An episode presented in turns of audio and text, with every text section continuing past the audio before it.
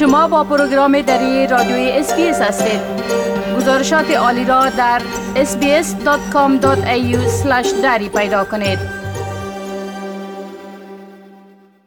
دیدبان حقوق بشر یا Human Rights Watch گزارش خود برای سال 2022 را نشر کرده و قضاوتش برای استرالیا خوب نیست. این سازمان می‌گوید که اقدام نکردن استرالیا در مورد تغییر اقلیم و رفتارش با پناهجویان دو موضوع حقوق بشری قابل نگرانی به خصوصی هستند. دیدبان حقوق بشر از 32 سال به این سو گزارش های را در مورد عملکردهای بیش از 100 کشور جهان نشر کرده است. یک موضوع اصلی این بار واکنش های شدید ان که رهبران خودکامه در سال 2021 با آنها مواجه شدند و در این گزارش به شورش ها در مقابل رژیم میانما اشاره شده است. کنت رات مدیر اجرایوی دیدبان حقوق بشر می گوید که او معتقد نیست که خودکامگی و دیکتاتوری بیش از حد قدرتمند شود. آقای رات می گوید که اگر رهبران دموکراتیک در مقابل چالش های عصر ما به پا خیزند با مسئله خودکامگی با موفقیت مقابله شده می تواند. برای رسیدگی کردن به مشکلات امروز به یک رهبری هدفمند نیرومند نیاز وجود دارد.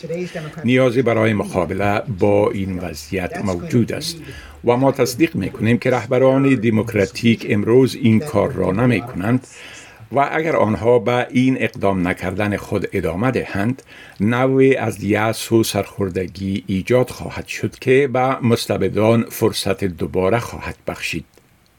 یکی از این چالش ها و مشکلات رفتار با پناهجویان است.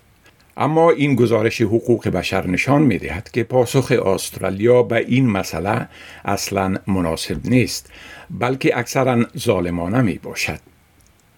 ایلین پیرسن مدیر دیدبان حقوق بشر در استرالیا است. رفتار استرالیا با پناهندگان و پناهجویان به اعتبار جهانی کشور لطمه پایدار وارد می کند. منظورم این است که هزاران نفر به خارج از کشور به پاپوانیوگینی و نارو منتقل شدند و حتی امروز هشت سال بعد هنوز صدها نفر در توقیفگاه ها در هتل ها در بازداشتگاه های مهاجرتی در داخل کشور موجودند و همچنان صدها نفر دیگر هنوز در نارو و پاپوانیوگینی در حال افسردگی به سر می‌برند. خانم پیرسن می‌گوید شیوه این سیستم ناعادلانه و مخرب است و این مردم تحت یک نظام ظالمانه استرالیا در خارج از کشور رنج می‌برند. تجربه جای ماری این رنج را به خوبی واضح می سازد. این نلدوان 42 ساله پس از کشته شدن پدر و به خطر افتادن زندگی خود او از بنگلادش فرار کرد. او ابتدا ده ماه را در جزیره کریسمس گذراند. سپس به مدت شش ماه برای بررسی درخواست پناهندگیش در خارج از استرالیا به نائورو فرستاده شد و در سال 2020 برای درمان طبی به ملبورن آمد.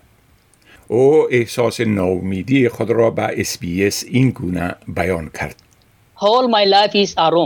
همه زندگی من یک اتاق است. به هوای آزاد مسئولیت و آزادی دسترسی ندارم. چیزی که من یافتم یک زندان است. از 17 18 ماه به این سو. این رنتول از نهاد ائتلاف اقدام برای پناهندگان از جمع حامیانی است که همواره به خاطر رفتار با پناهجویان در سیستم مهاجرت استرالیا ابراز نگرانی کرده. و به خصوص با در نظر داشت شیوع ویروس کرونا در داخل جامعه و گزارش اخیر از ابتلای شمار از توقیف شده ها در بازداشتگاه ویلاوود بیشتر از بیش نگرانند.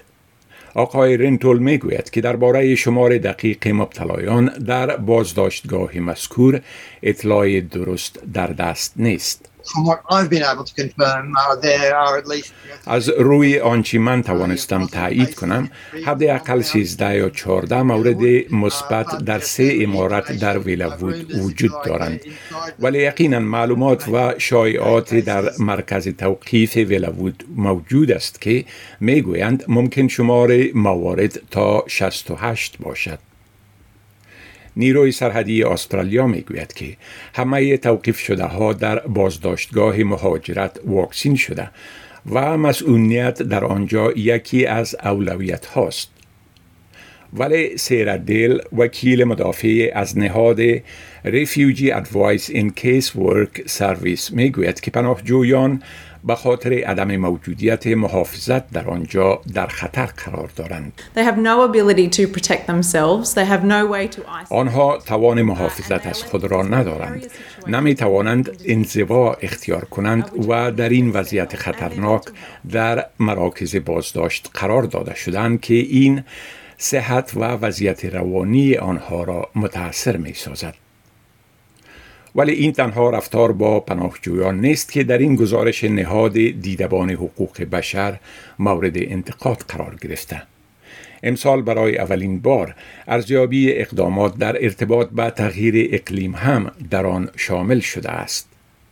سکات موریسن صدر اعظم استرالیا در سال 2019 در بیانیه در ملل متحد گفت که استرالیا در مورد تغییر اقلیم اقدامات واقعی اتخاذ کرده و نتایج به دست می آورد. اما گزارش دیدبان حقوق بشر می گوید که حکومت استرالیا همچنان فعالانه از گسترش صنایع مواد سوخت معدنی به جای تولید انرژی قابل تجدید حمایت می کند و چندین معدن زغال سنگ جدید به شمول چند پروژه با کمک مالی دولتی را تایید کرده است. از نظر نهاد دیدبان حقوق بشر بحران تغییر اقلیم یک مسئله حقوق بشری است و سابقه استرالیا در این ارتباط نیازمند توجه عاجل می باشد. گزارش را که شنیدید با کمک فیلیپا بروک و دبرا گرورک از SBS News تهیه شده بود. بپسندید، شریک سازید و نظر دهید. SBS دری را در فیسبوک تعقیب کنید.